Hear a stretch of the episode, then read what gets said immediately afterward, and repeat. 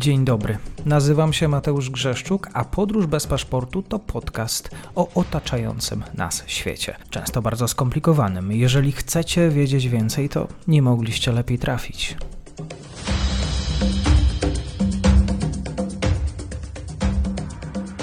Dzień dobry Państwu, dzień dobry wszystkim słuchaczom. Po dłuższej przerwie rozmawiamy o Afryce. Jeżeli o Afryce, to profesor Andrzej Polus po drugiej stronie z Uniwersytetu Wrocławskiego. Kłaniam się, dzień dobry.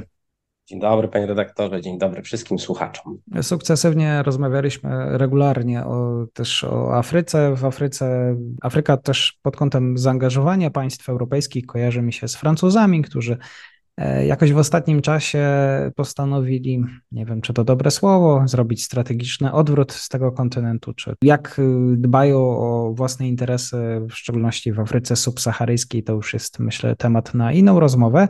Te francuskie zaangażowanie e, nie umknęło pani premier Giorgi Meloni, która spotkała się z przywódcami 26 krajów afrykańskich. To jest przytyczek w nos Francuzów, czy raczej po prostu zaangażowanie dyplomacji włoskiej? Tak, naturalnie.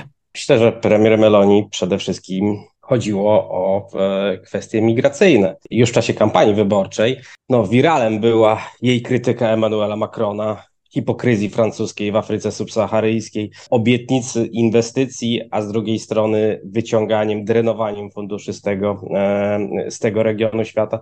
Jakimś asumptem do tego, żeby szczyt Włochy-Afryka został, został zorganizowany, no na pewno jest to wakum polityczne, które się stworzyło wraz z wycofaniem się, e, wycofaniem się Francji. Francja też, to może jest temat na kolejną rozmowę. Francja z jednej strony chce zakończyć z polityką e, tak zwanej Franafrik, no ale z drugiej strony też sytuacja w Afryce Zachodniej, pojawienie się Rosji jako dodatkowego dostarczyciela bezpieczeństwa dla hun wojskowych, które, e, które przejmują tam władzę, też nie są bez znaczenia w całym procesie. Ale ten szczyt Włochy-Afryka to jest szczyt, który ma pokazać, moim zdaniem, włoskiemu wyborcy, że premier Meloni, która szła do wyborów pod hasłem ograniczenia e, migracji z Afryki do e, Włoch, która wzywała przecież rok temu do blokady morskiej wód terytorialnych Włoch, teraz e, przyjmuje zupełnie inną perspektywę i chce powstrzymywać przyczyny migracji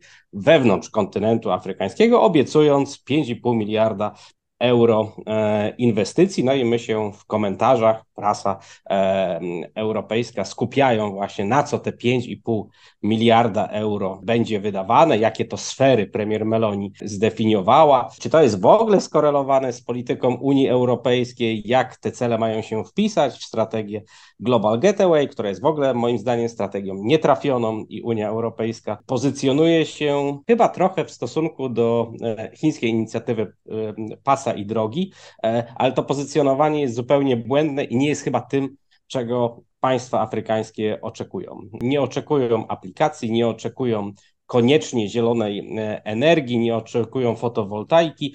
Oczywiście produkcja energii jest niezwykle ważna, ale nie jest to chyba rzecz e, priorytetowa i te priorytety no, powinny być uzgodnione stroną, która ma tą pomoc przyjmować. W zasadzie ta strona przyjmująca powinna być ostatecznym audytorem skuteczności tych inicjatyw e, pokojowych. No i podczas tego e, szczytu przewodniczący Komisji Unii Afrykańskiej, Moussa Faki, no ja bym powiedział, zrzucił dyplomatyczną bombę atomową e, w czasie swojego przemówienia, bo stwierdził, że rząd włoski zupełnie nie konsultował ze stroną afrykańską tych priorytetów, które sobie na szczycie wyznaczył. Czyli dla kogo ten e, szczyt jest dedykowany? Dla wyborcy włoskiego, który ma widzieć, że coś jest robione, czy dla Afrykańczyków, którzy mają e, pomoc od Unii e, Europejskiej czy od Włoch pobierać? Jeszcze na marginesie powiem, że zupełnie nie zauważyliśmy we wszystkich komentarzach prasowych to, co stało się, czy medialnych, to, co stało się w październiku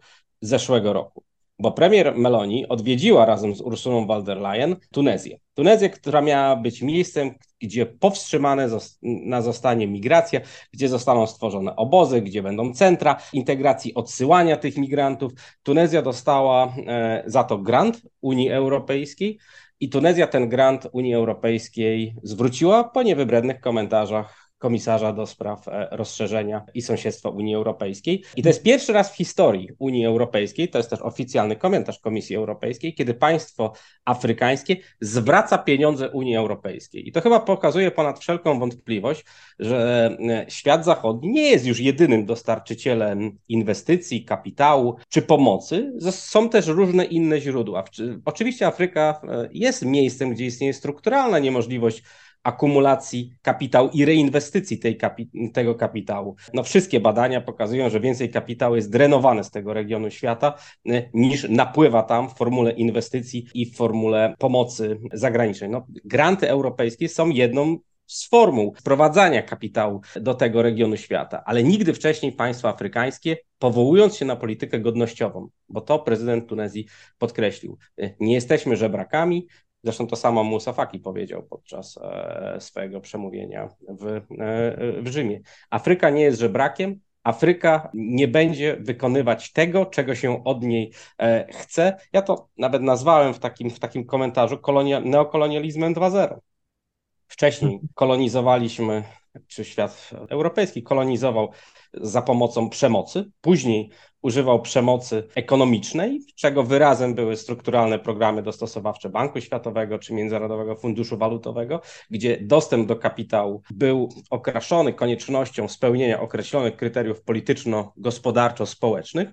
No a dzisiaj no, te programy pomocowe, te inwestycje w szczytne przecież, w szczytne sfery, to przecież premier Meloni chce inwestować w zdrowie Afrykańczyków, mhm. chce inwestować w edukację, e, chce inwestować w energetykę. No nikt nie powie, że zdrowie ludzkie e, jest złą sferą, w którą się chce inwestować, tylko nie pytanie drugiej strony, jakie są priorytety, jak powinno być to wpisane w ich plany rozwojowe, gdzie te pieniądze mają być kanalizowane, no pokazuje, że mentalność kolonialna umiera bardzo, bardzo, bardzo, bardzo powoli. I raczej premier Meloni chciała pokazać Włochom, że podejmuje szeroko zakrojoną inicjatywę, że zaprasza, tam było ponad 20 szefów państw i głów rządów na e, tym szczycie, była Ursula von der Leyen, to była ogromna konferencja międzynarodowa i promuje pomagać i dusić migrację tam, gdzie, skąd, ona, e, skąd ona pochodzi, bo wcześniejsze plany, czyli odsyłania Albania podpisała z Włochami umowę bardzo podobną do tej, którą podpisało Zjednoczone Królestwo Brytyjskie z, z Rwandą.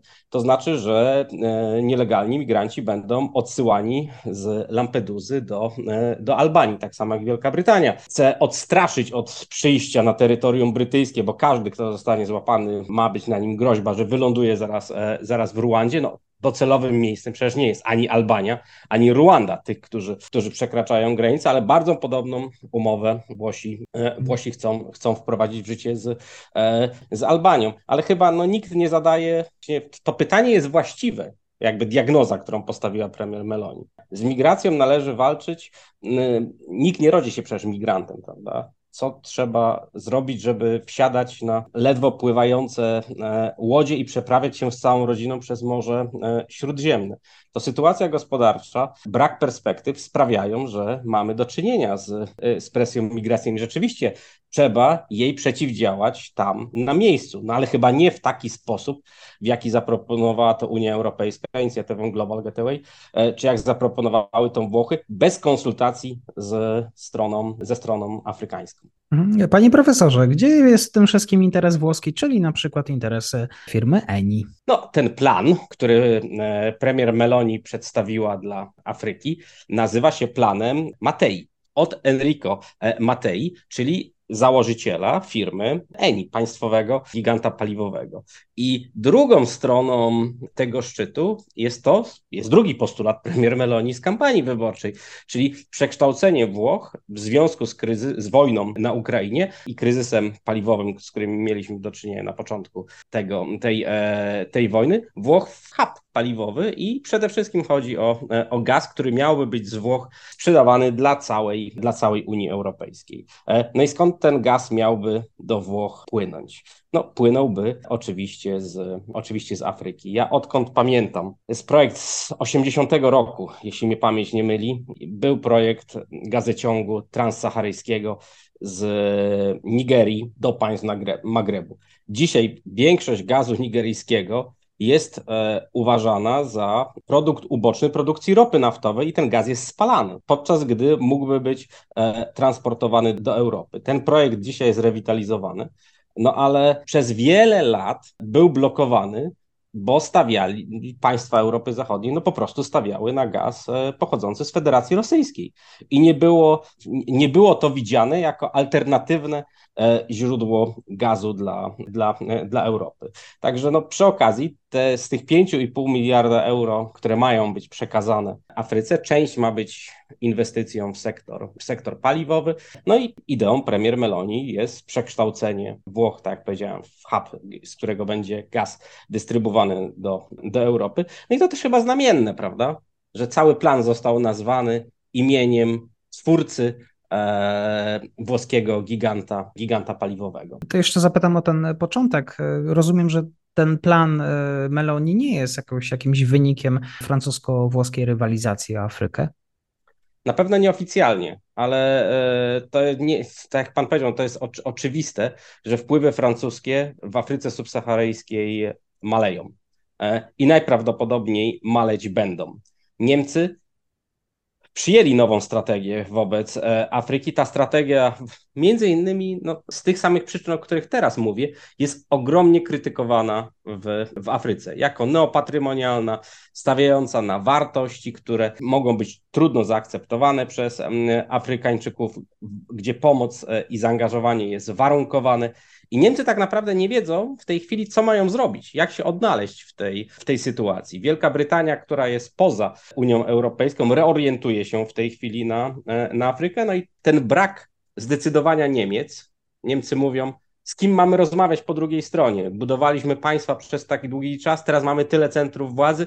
My w ogóle nie wiemy, kto ma być z drugiej strony partnerem.